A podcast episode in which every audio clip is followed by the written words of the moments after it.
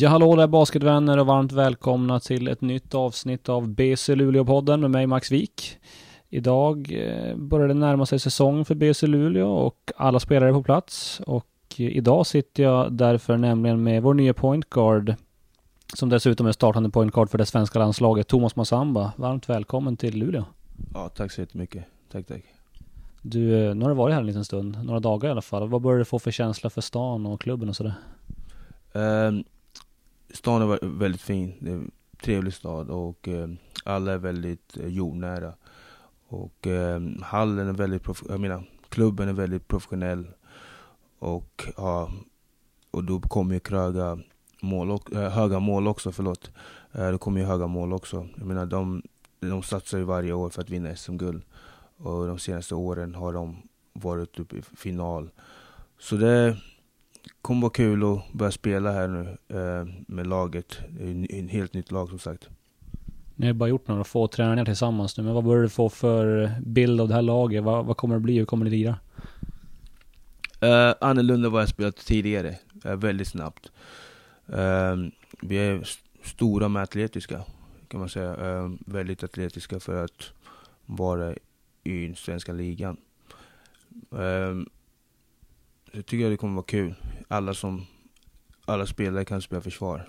Uh, och det är kul att se att de har satsat för en gångs skull på defensiva spelare också. Så jag tror det kommer bli jättekul. Och fansen kommer tycka om det tror jag. Vad var det som fick dig att vilja komma hit då? För det har, vi, när vi, du och jag har pratat lite genom åren så har ändå BC Luleå kommit på tal några gånger, aldrig blivit av, men, men nu är det här. Vad var det som fick dig att vilja komma nu? Först och främst timing. Jag menar, jag har ju varit utom, utomlands, jag har alltid haft ambitioner och har fortfarande ambitioner att spela utomlands. Men eh, timingen just nu är perfekt. Eh, ny, ny start, helt ny, nästan helt nytt lag.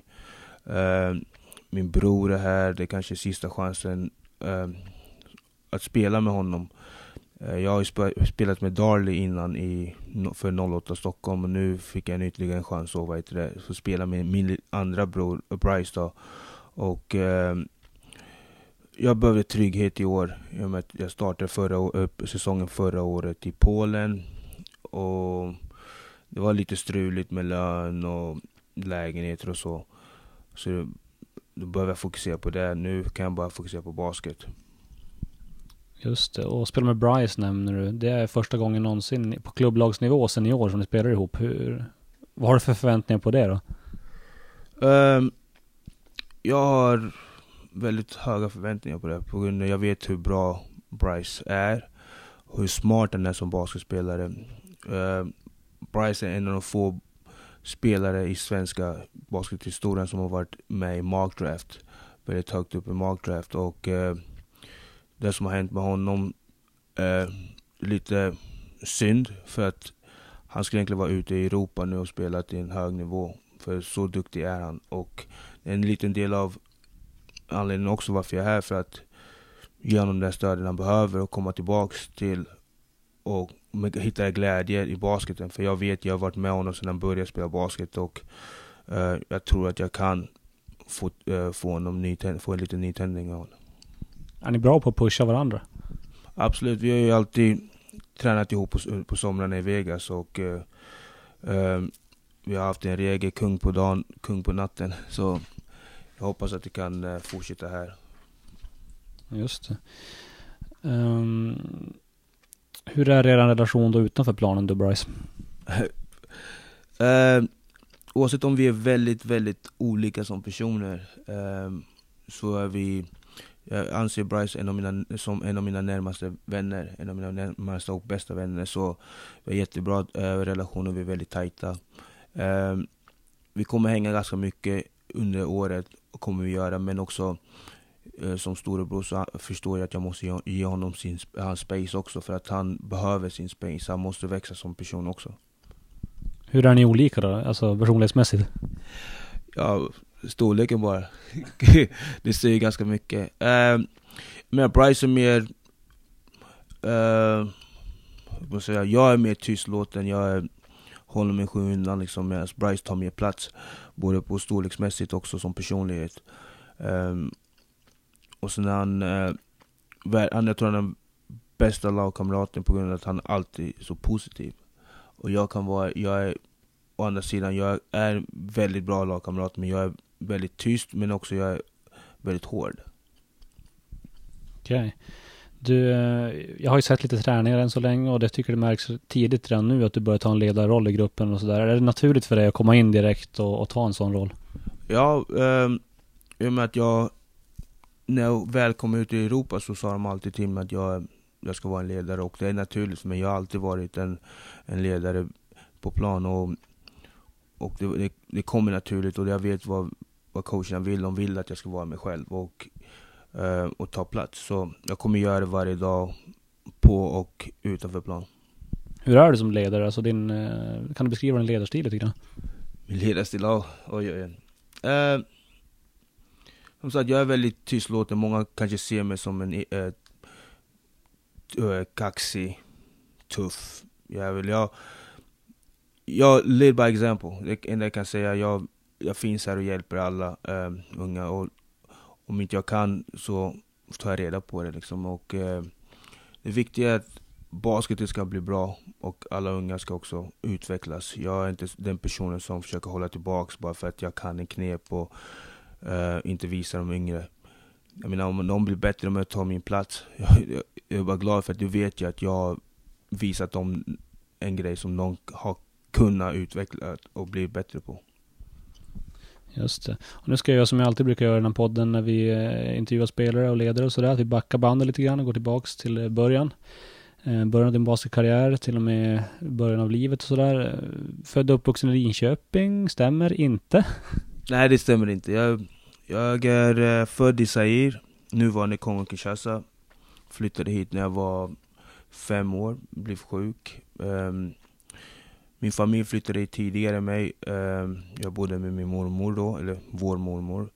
Ehm, så jag kom lite senare än, Bryce och uh, mina äldre bröder. Blev sjuk, sa du? Ja, jag fick uh, malaria när jag var yngre. Jag hade malaria och bästa sättet att överleva var att flytta till Sverige med resten av familjen. Och då hade, hade du inte flyttat om, om det inte vore för det, eller hur, hur var det? Jo, jag hade flyttat. Det var bara på tiden. Det var, jag skulle börja skolan där och fått uppleva hur eh, eh, skolan var där och eh, lära mig. Jag, älskade min, jag älskar min mormor och jag tror bara att planen var att jag skulle flytta när jag var sju år, sju, åtta år, inte när jag var fem år. Okej, okay, men malaria, hur, hur allvarligt var det då? Uh, jag var inlagd på sjukhus i någon månad vad jag kommer ihåg. Eh, en eller två. Jag pratade inte så jättemycket med, eh, om det med mina, mina föräldrar för det, jag var, det var en tuff period i mitt liv. Men eh, jag var väldigt sjuk för att jag var isolerad i, i en, eh, ett rum i många, många, eh, eller en eller två månader. Jag minns inte riktigt, jag var, jag var väldigt ung då. Eh, att inte kunna få vara med min, min familj var tufft. Och inte få äta den maten jag var van vid var tufft. Och, eh, samma sak så visste jag, jag var tvungen att lära mig när eh, barn, barnprogrammen kom på, eh, kom på under dagarna. Jag hade ju bara tre kanaler tror jag, två kanaler, de svenska. Ettan, tvåan, tvåan, fyran. Så jag, jag kunde inte språket alls. Så det var, det var tufft, det var en tuff period i mitt, mitt liv. Men eh, någonstans senare där började du spela basket och hitta det. Eh, hur gick det till och, och ungefär när började du spela? Jag började sent. Jag, jag, jag började sent och jag är också en late bloomer som man kallar det. Uh, basketen hittade jag när jag var 13 år. Jag hatade basket. Jag spelade fotboll, handboll, innebandy. Testade på hockey också. Uh, men uh, mina äldre bröder spelade basket. Och en dag på, på sommarlovet så spelade med dem och jag har alltid klagat på dem och sagt till att basketen var så en kärringsport. Jag fick några smällar och jag var inte så, jag var inte så bra. Eh, sen den dagen bestämde jag mig att jag skulle bli bättre än mina äldre bröder. Och det är så jag började. Dagen efter klockan sex på morgonen kom jag eh, vaknade samtidigt med mamma som skulle åka till jobbet.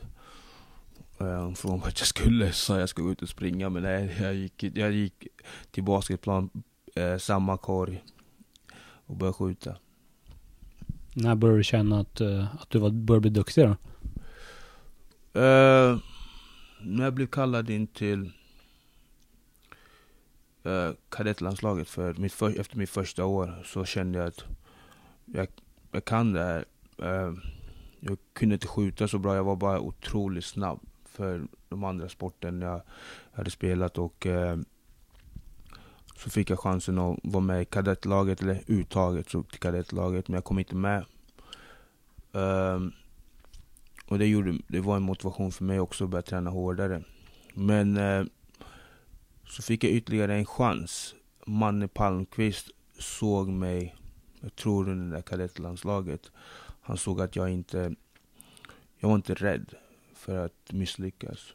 Så kallade med mig till 85ornas Göteborgsläger. Ehm, um, det var då jag kände att jag, basketen var kul och basketen kunde ta mig någonstans. Det var första gången jag var utanför Linköping eh, när det kom, när det kom till basketen. Alright, och eh, började du spela i Södertälje sen eller hur gick det till? Um, lång historia kort. uh, jag kommer från, vi kommer från ett stökigt område, vi är uppvuxna i ett stökigt område och uh, jag fick nämligen hjälp av närpolisen uh, Pia, som var min som hjälp, hjälpte mig väldigt mycket i skolan och kyrkan. att komma till Södertälje, att ansöka till Södertälje basket, eller idrottsgymnasiet. Och när, ja, och så kom jag dit och det var det mest fantastiska som har hänt i mitt liv för att jag fick börja om på helt nytt kapitel. Och när började du, började du komma in i ligalaget och sådär i Södertälje? Um, ligalaget kom jag in, jag måste tacka, jag måste tacka, först och främst måste jag tacka Torbjörn Gerke. För det, för han hade mig året innan han fick Södertälje i, i Night. Eh, eller han fick Kings, så hade han mig i Knight. Och han såg potentialet jag hade. Att jag var otroligt snabb, atletisk. Eh, rädd för att försöka dunka på stora spelare. Eh, så när han tog det, när han tog Kings, så var jag den första unga talangen han ville ha där uppe. Men innan dess så fick jag ju chans att ha så här vecka, veckans talang i, i Södertälje, men jag fick inte vara med på grund av coach, dåvarande coachen trodde aldrig att jag skulle spela i, svensk, äh, i svenska ligan ens. Och det är komiskt, äh, om man tänker efter, att äh, en coach kan påverka en ung spelare så pass mycket. Verkligen. Det måste vara en stor motivation för dig kan jag tänka mig, få höra det. Ja, fortfarande. Uh, jag tror den coachen vet vem han är själv och jag kommer inte nämna hans namn. Uh, jag har haft, pratat med honom om andra grejer förutom just det. Uh, men det, det sårade mig väldigt, väldigt otroligt mycket. Menar. Uh, och än idag så tänker jag på det innan säsongen börjar. Jag förstår det. Hur, hur minns du första säsongen då i basketligan för din egen del? fantastisk. Jag blev Rookie of the Year. Det är en fantastisk säsong. Jag menar, jag hade en Peter Tays framför mig. Eh, han lärde mig jättemycket. Och det var också, måste också tacka Peter att Peter var så gammal. Eller han var inte så gammal när jag tänker det, han var 30, 30 eh, och spelat ute. Eh, men eh, han är vinnarskalle vinnarskalle och oavsett om det inte gick så, eh, så snabbt så var han otroligt smart. Och jag kommer ihåg att jag försökte sno så mycket knep som möjligt eh, från honom och också Fast vad jag gjorde då att jag snodde knepet och gjorde 5, 6, 7, 8 gånger snabbare. Eh, sen så blev han skadad väldigt mycket och då fick jag mycket plats och mycket plats och vad heter det, att spela också. Fick mycket speltid. Um, och då kom vi till semifinal, förlorade femte avgörande semifinalen mot Norrköping borta. och på bus, eh, bussen hem, på vägen hem så får jag eh, ehm, Det var någon som ringde mig och sa att du fick Rookie of the year. då, var, en känsla som var Jag kände långt in i hjärtat att allt jag har gjort sen jag var från Linköping eller från Said har börjat pay off. Och efter det har det blivit många lag. Eh, även i Sverige har det blivit några stycken. Eh, Solna, Norra Stockholm. Om du sammanfattar de åren, eller vad sticker ut kan vi säga istället från åren med Norra Stockholm och Solna? Sticker ut coacherna. Ehm, um, jag, menar, jag blev stämplad väldigt tidigt um, som försvarsspelare. Jag fick den rollen på grund av att jag var atletisk, orädd och eh, kan säga lite naiv. Uh, att jag ville spela på alla bästa uh, guards i ligan. Men det var då jag fick min stämpel som defensive stopper. Tidigare i min, i min unga karriär så hade jag bara försökt att göra poäng på alla och försökt dunka över alla. Men för att jag skulle vara på plan så var jag tvungen att vara väldigt professionell tidigt. För när man har ett lag som vi hade i Södertälje, Solna. Det var mycket starkt lag. Uh, vi hade Peter Tays, Jens Jonsson, Johan Jansson, ehm, um, JD Sanders, Dravo, uh, Skuggan. Men det var bara namn efter namn. Uh, så var man tvungen att spela försvar för att vara på plan. Och andra år så startade jag mer än hälften av matcherna. Så. Och samma sak i, i Solna. Så var jag tvungen att komplettera eh, Charles Thomas som är en av mina närmaste vänner just nu. Eh, jag är gudfar till en av hans söner. Bor med dem på, under somrarna, på somrarna. Eh, man lär sig mycket, man får träffa nya, jag fick träffa nya människor som ville hjälpa mig vidare i min karriär. Men tidigt som JD Sanders försökte få mig att åka till college, uh, till Arizona och Arizona State. Um, folk var där och räckte ut händerna hela tiden.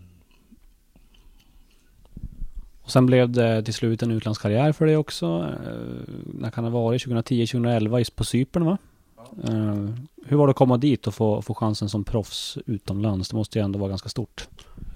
Ja, um, Etla Gomi hette laget uh, Nicosia då, som var intresserad redan året innan när jag spelade för 08.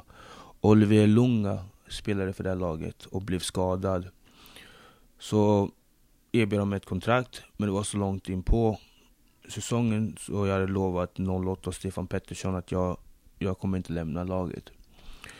Så bestämde jag mig att jag stannar kvar det året och men så fort säsongen var slut så tog de kontakt med mig och gav, erbjöd mig ett riktigt bra kontrakt.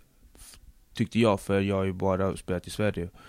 Um, och vi skulle spela, tror jag, vet inte, jag kommer inte ihåg vad det heter, men det var någon Europacups kvalifikation mot Art and Dragons från Tyskland, topp 4-lag. Uh, och de trodde att vi kunde utmana dem och ge dem och hade en chans att, att spela vidare. Uh, komma in i gruppen. Så sa jag, men jag vill, jag vill göra det. Så det var otrolig känsla att komma dit, det var helt nytt. Uh, nya regler, var mer krav också på mig. och då fick jag, fick jag också lära mig hur, hur det är att vara point guard. Våran coach hade varit ett, han var point själv.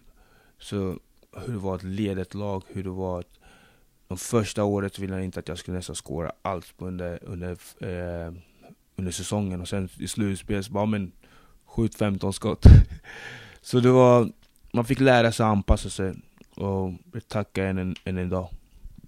Var det en stor omställning för dig att komma dit från Sverige till att spela i cypriotiska ligan som väl är en eh, väldigt mycket mer fysisk liga? Väldigt fysisk eh, och atletisk liga.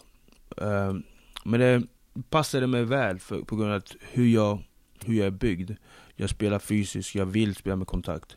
Och den cypriotiska ligan var ju också då en, man kan säga en, en D-league för, för Gre Grekland många grekiska länder, äh, många grekiska lag tog sina spelare därifrån.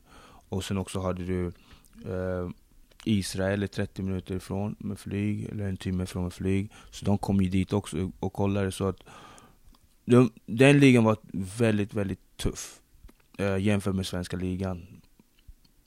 Så man fick lära sig att spela på helt annat sätt. Ganska speciellt att spela på en sån här ö också kan jag tänka mig. Ja, det kom, jag menar, eh, man sov alltid hemma. Förutom i finalen så sov man eh, dagen, då åkte man dagen innan. Eh, du har ju Ainapa ganska nära. Eh, och när man är ung så vill man ju leva livet. Och det, Ainapa var 35 minuter från Nicosia. Du har Larnaca 25 minuter från Nicosia. Så eh, fantastisk eh, land, vad man ska kalla det. Det är fantastiskt. Jag reser ofta dit när jag behöver komma bort. Och jag känner de flesta. Folk känner igen mig. Så jag, det, det är som ett andra hem för mig. Ja, för det har varit där några säsonger. Det blev två säsonger till att börja med och sen en, en andra sväng på två säsonger till va? Ja, uh, ja fyra säsonger, eller tre och ett halvt. Var det fy, uh, två säsonger, jag började min professionella karriär där och sen så flyttade, åkte jag runt, runt om i Europa. Sen kom jag tillbaks efter jag hade varit i, eh, i Tjeckien. Eh, för att jag hade stukat eh, handen, eller fingret, gick ur led och folk trodde att jag skulle operera handen och inte munnen. För jag har ju problem, haft problem med tänderna förut och opererade nästan varje sommar min, min mun. Så kom det ut, någon coach hade sagt att jag skulle operera mig. Och när jag förhandlade kontrakt med större lagen så trodde de att jag försökte göra en, en fuling, att jag kom dit skadad med en trasig hand. Den ska opereras och jag kan inte spela på tre, tre månader. Um, men så hamnade jag uh, tillbaks på, i etta då. Uh, fick, hade en fantastisk säsong. Uh, blev årets, årets import, MVP, Guard of the Year, Defensive Player of the Year. Jag fick nästan alla utmärkelser. Eh, och Caranos, Caranos ägare är femte rikaste mannen i, i landet.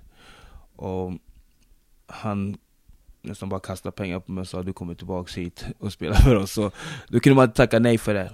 Men uh, så skadade jag mig där, slet av ljumsken upp till andra magrutan. Och det var inte så skönt att spela där. Och de, han försökte göra en fuling på grund av att han ägde ju själva allt som en medicin ska göra.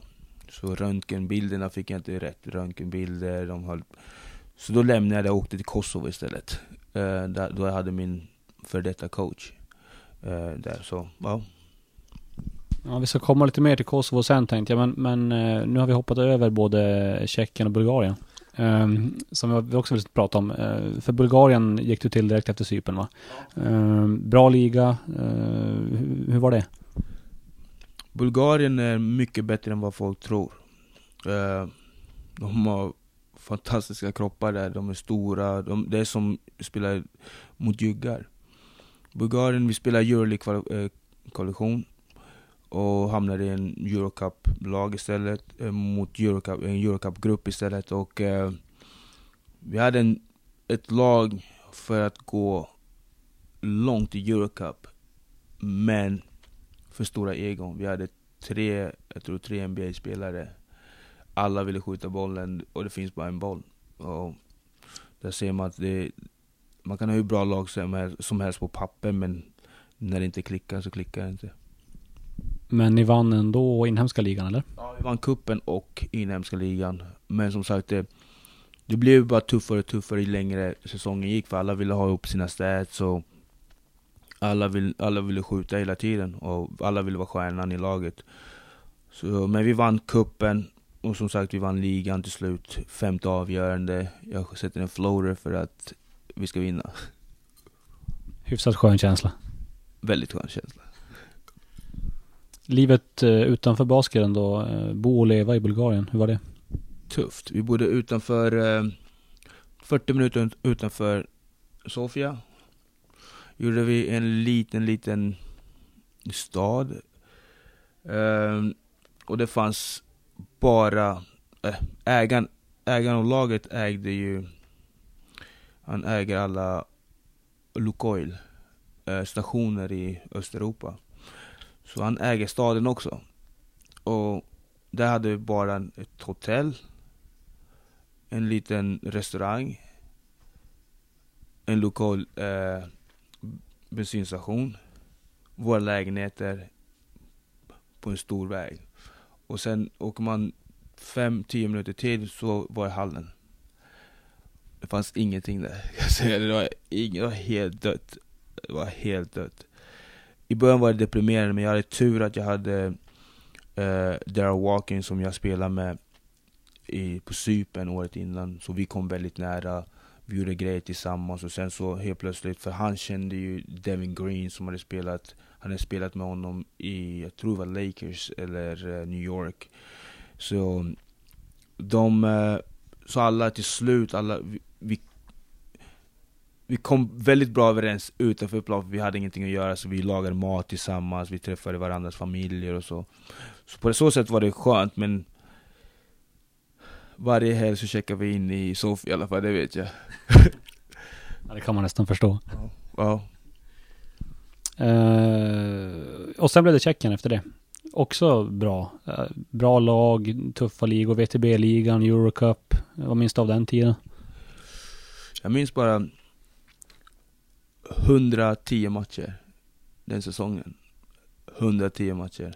Men jag var fan, kropparna var fantastiska. Ja, min kropp kändes jätteskönt. Liksom jag, hade inte, jag var aldrig trött.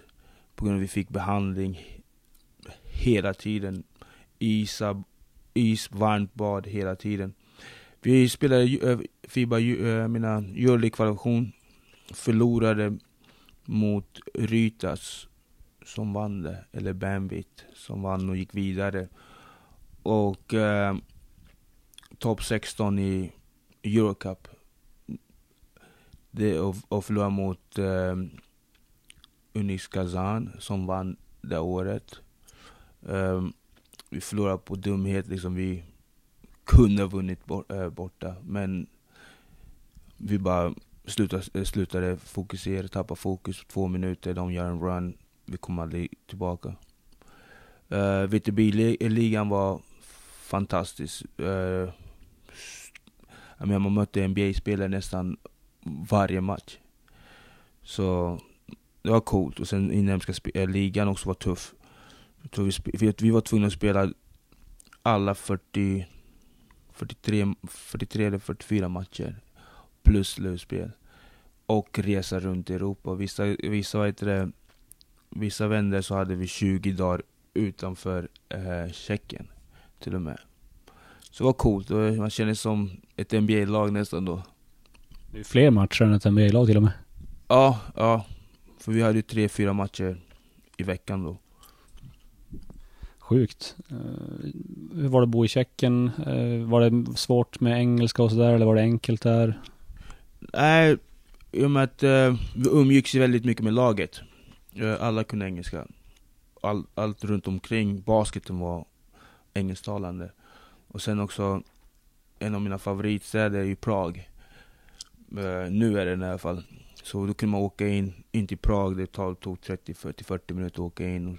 Varje gång man, vi hade stora matcher, VTB-matcher, Eurocup-matcher spelade vi i Prag och då bodde vi dagen innan eh, i Prag och sen efter matchen stannade vi allt är över.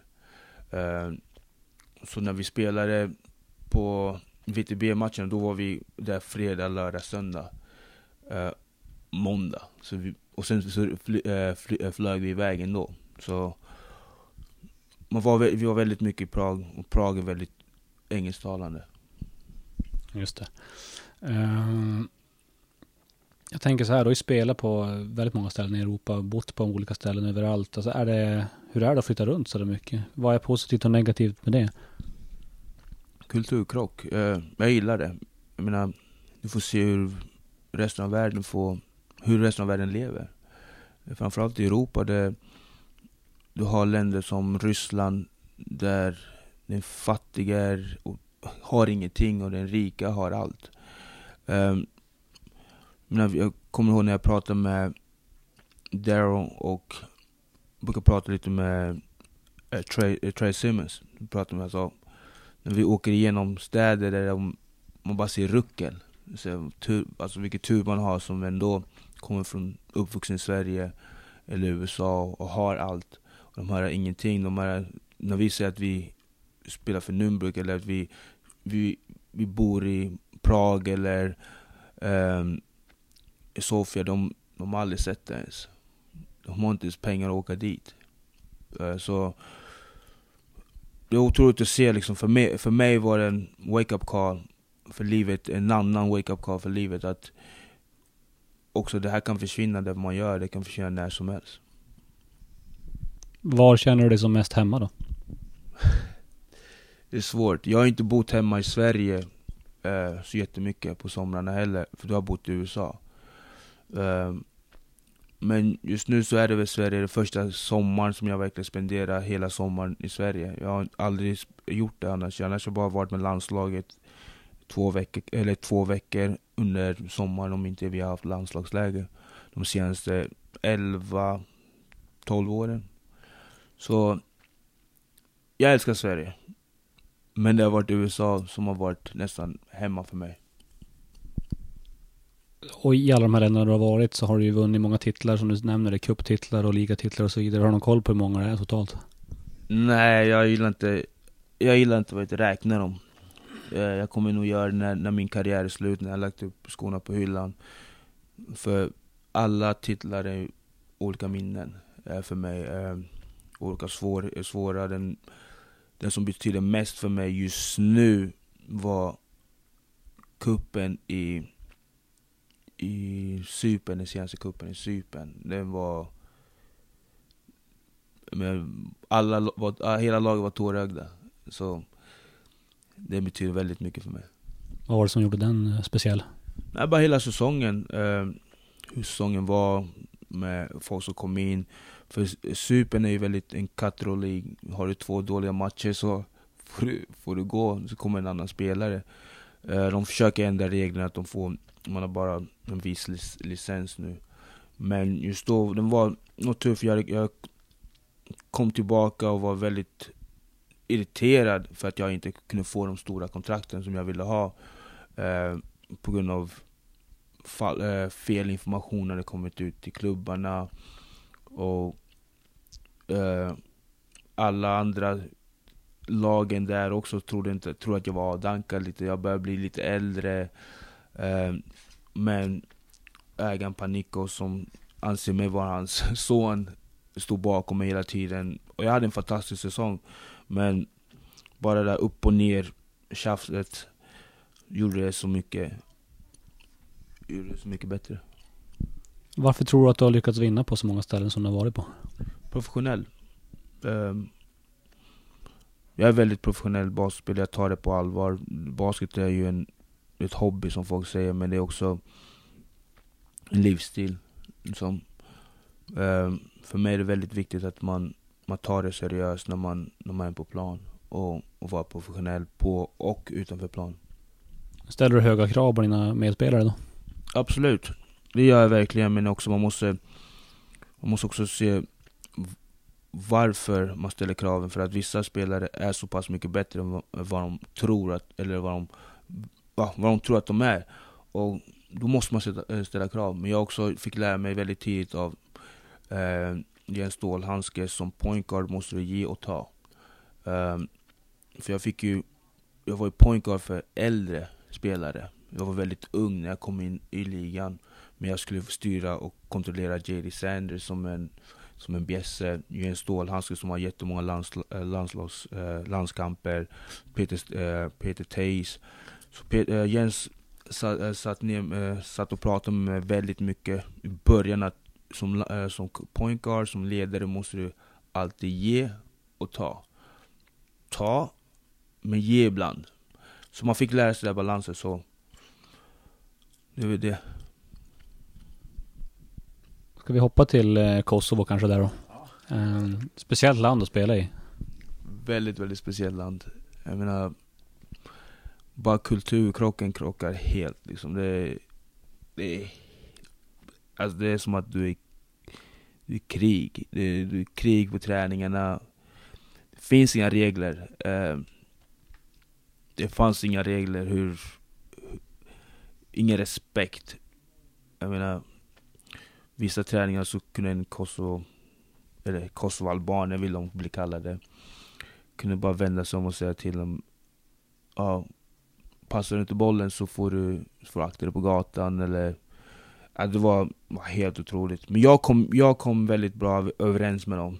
Men de var väldigt emot importer, de var emot amerikaner framförallt. De tyckte bara amerikaner kom dit och uh, tog deras pengar och tog deras kvinnor och, och skulle ha städat så skulle allting eh, lätt för, dem, för sig. Uh, staden, Pristina, vet jag inte hur den, hur den går runt. Alla, alla är ute från klockan äh, två på dagen till klockan fem på natten. Men ingen tjänar mer än 400, 400 eh, euros, de vanliga då. Um, i, alltså det var både jättefint, men riktigt dåligt eh, samtidigt. Eh, mentaliteten och folket var helt galet.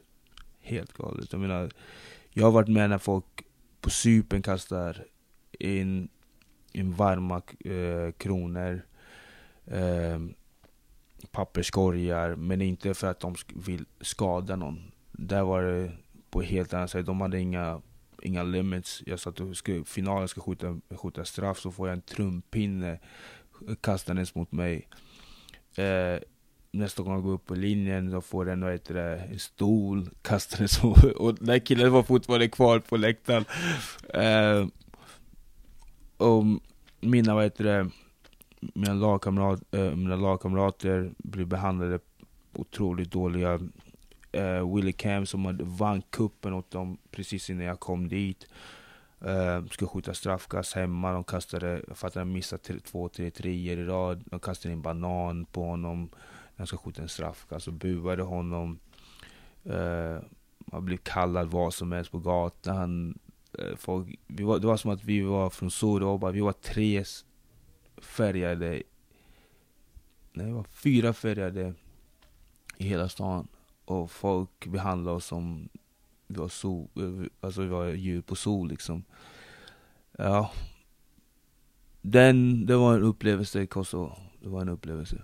Svårt att föreställa sig nästan när du berättar. Ja, eh, du vet när jag, den när jag lämnade, kan jag säga att den när jag lämnade Kosovo, det var som att jag hade varit, jag hade varit i en film. Jag menar, de stänger av vattnet när de vill i lägenheten. Eh, de låste in mig i min lägenhet, stängde av vattnet. Alltså det var Vissa spelare hade inte fått betalt fyra månader. Eh, och de är inte ens med, jag tror inte de är med under Fibas regler, deras liga. Så de, de skriver deras kontrakt på helt olika sätt. De, Kosovo-spelaren kanske inte får pengar på halva året. Det, det, det var... Jag hade agent, jag var, jag var bra, men nej. Nej. Du lär nog inte spela där igen kanske? Nej, det är inte det första. Jag skulle inte rekommendera någon att spela där. Eh, oavsett klubb och historik på klubben och så. Jag spelade ändå i Pristina som var den, alltså, den största klubben där. Jag skulle inte rekommendera någon att göra det. Ja, det kan jag nästan förstå. Eh, när det gäller landslaget, 115 landskamper har du nu, du, det kommer bli fler också snart. Eh, är, är det viktigt för dig att ställa upp för landslaget och spela med för Sverige? Först och, först och främst vill jag säga att det är fler än 115 landskamper. Eh, någon där har gjort fel. De har inte räknat in mina Brad Deans, äh, Brad Deans år. Eh, vad var frågan? det fastnade på antalet där. Eh, nej men om, om det är viktigt för dig att ställa upp och spela för Sverige och, och sådär? Ja, för mig är det väldigt viktigt uh, att spela för Sverige. För att uh, svensk basket har gett mig så mycket. Jag, måste, jag vill gärna ge tillbaks. Jag menar, utan svensk basket och mig själv så hade jag aldrig varit i den här sitsen jag sitter just nu. Jag har spelat utomlands, uh, fått se länder, fått se eh, eh, ställen som jag aldrig ens har kunnat tänka mig i ung ålder. Um, träffat otroligt bra människor. Um, mina närmaste vänner nu är ju de jag har spelat med tidigare. Så varje gång landslaget kallar så ställer jag upp. Och sen nu känner jag också framförallt att jag spelar för Luleå, BC Luleå, så är det otroligt viktigt att jag ställer upp. På grund av, jag var inte igår, den här staden hade en landslagsspelare. Så är det såklart. Och, och det är eh, EM för kval snart mot Danmark. Eh, hur länge tror du, hur den kommer du orka spela i landslaget och på klubblagsnivå? Uh, vi får se, kroppen bestämmer. Jag menar, tar man hand om sin kropp och gör rätt för sig själv så, kommer, så kan man spela uh, ganska länge tror jag. Uh, Jocke Kjellbom spelade tills han var 35. Så, så länge någon kallar mig och så länge jag kan hjälpa till, vara lagpappa och vad som helst. Jag kommer alltid finnas där. Och du har ju varit med om en generationsväxling i landslaget också lite grann. Vad, vad är skillnaderna mellan landslaget när du började och, och hur det ser ut idag? Största skillnaden är väl att du går ju snabbare, liksom tekniken är annorlunda. Mina yngre spelare nu är otroligt eh, duktiga och också får chansen att spela för landslaget. Det var jättesvårt att bryta sig in i landslaget eh, i äldre dagar. Um, och nu för tiden så alla kan komma in och spela när som. Men tidigare var det så att ja, men, den mest meriterade ska få spela. Oavsett um, om han skulle ha varit eller inte. Um, eller var på plan eller inte. Um, på det sättet tycker jag att landslaget har gjort det jättebra generationsbyte. Uh, du nämner också att du har fått Eh, väldigt många nära vänner i landslaget. Eh, vilka anser du vara dina närmaste vänner? Du menar landslaget? Eller, ja, men Jag träffade Jonas Repko eh, när vi spelade i landslaget. Med landslaget och eh, jag menar eh, Kjellbom har jag varit roommate med i snart fyra fem år. Ehm, Så hela gruppen är otroligt nära när vi är tillsammans. Vi är otroligt, otroligt nära. Eh, på så sätt måste jag säga hela gruppen. Och så har du blivit pappa ganska nyligt också. Det måste vi ändå få in. Ja, ja. Ja, det...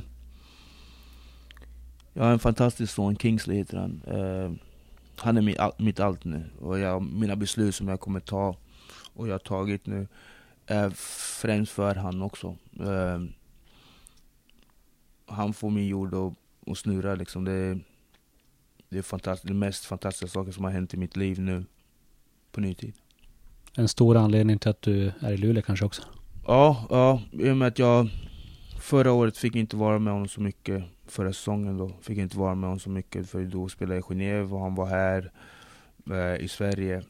Um, och det, det är jobbigt. Det är jobbigt att se honom gå igenom de grejerna han gick igenom då och när man missar så mycket i den unga åldern. Man, man, får inte, man får inte tillbaks det. Så det, för mig är det väldigt viktigt att jag är med min son och jag älskar min son. Har det varit stor omställning att bli farsa? Nej, inte riktigt. Jag har alltid älskat barn. Jag har alltid varit med mina brorsöner eh, och tagit hand om dem sen de var inte ens någon månad. Jag var med när Darlys unga föddes, jag bodde med dem. Um, så jag har alltid älskat barn. Det är, det är bara att anpassa sig. Och ta, vad heter det, och ta sitt ansvar tycker jag. Och ha kul så länge det varar. För att jag tror att när väl de börjar bli äldre, ungarna blir äldre i tidig ålder nu, så få vara på det bara. Absolut. Nu ska jag släppa dig till träningen alldeles strax. Jag ska bara ställa sista frågan och det är att få vinna ett SM-guld med BC Luleå här inför, inför hemmafansen. Hur, hur hade det varit?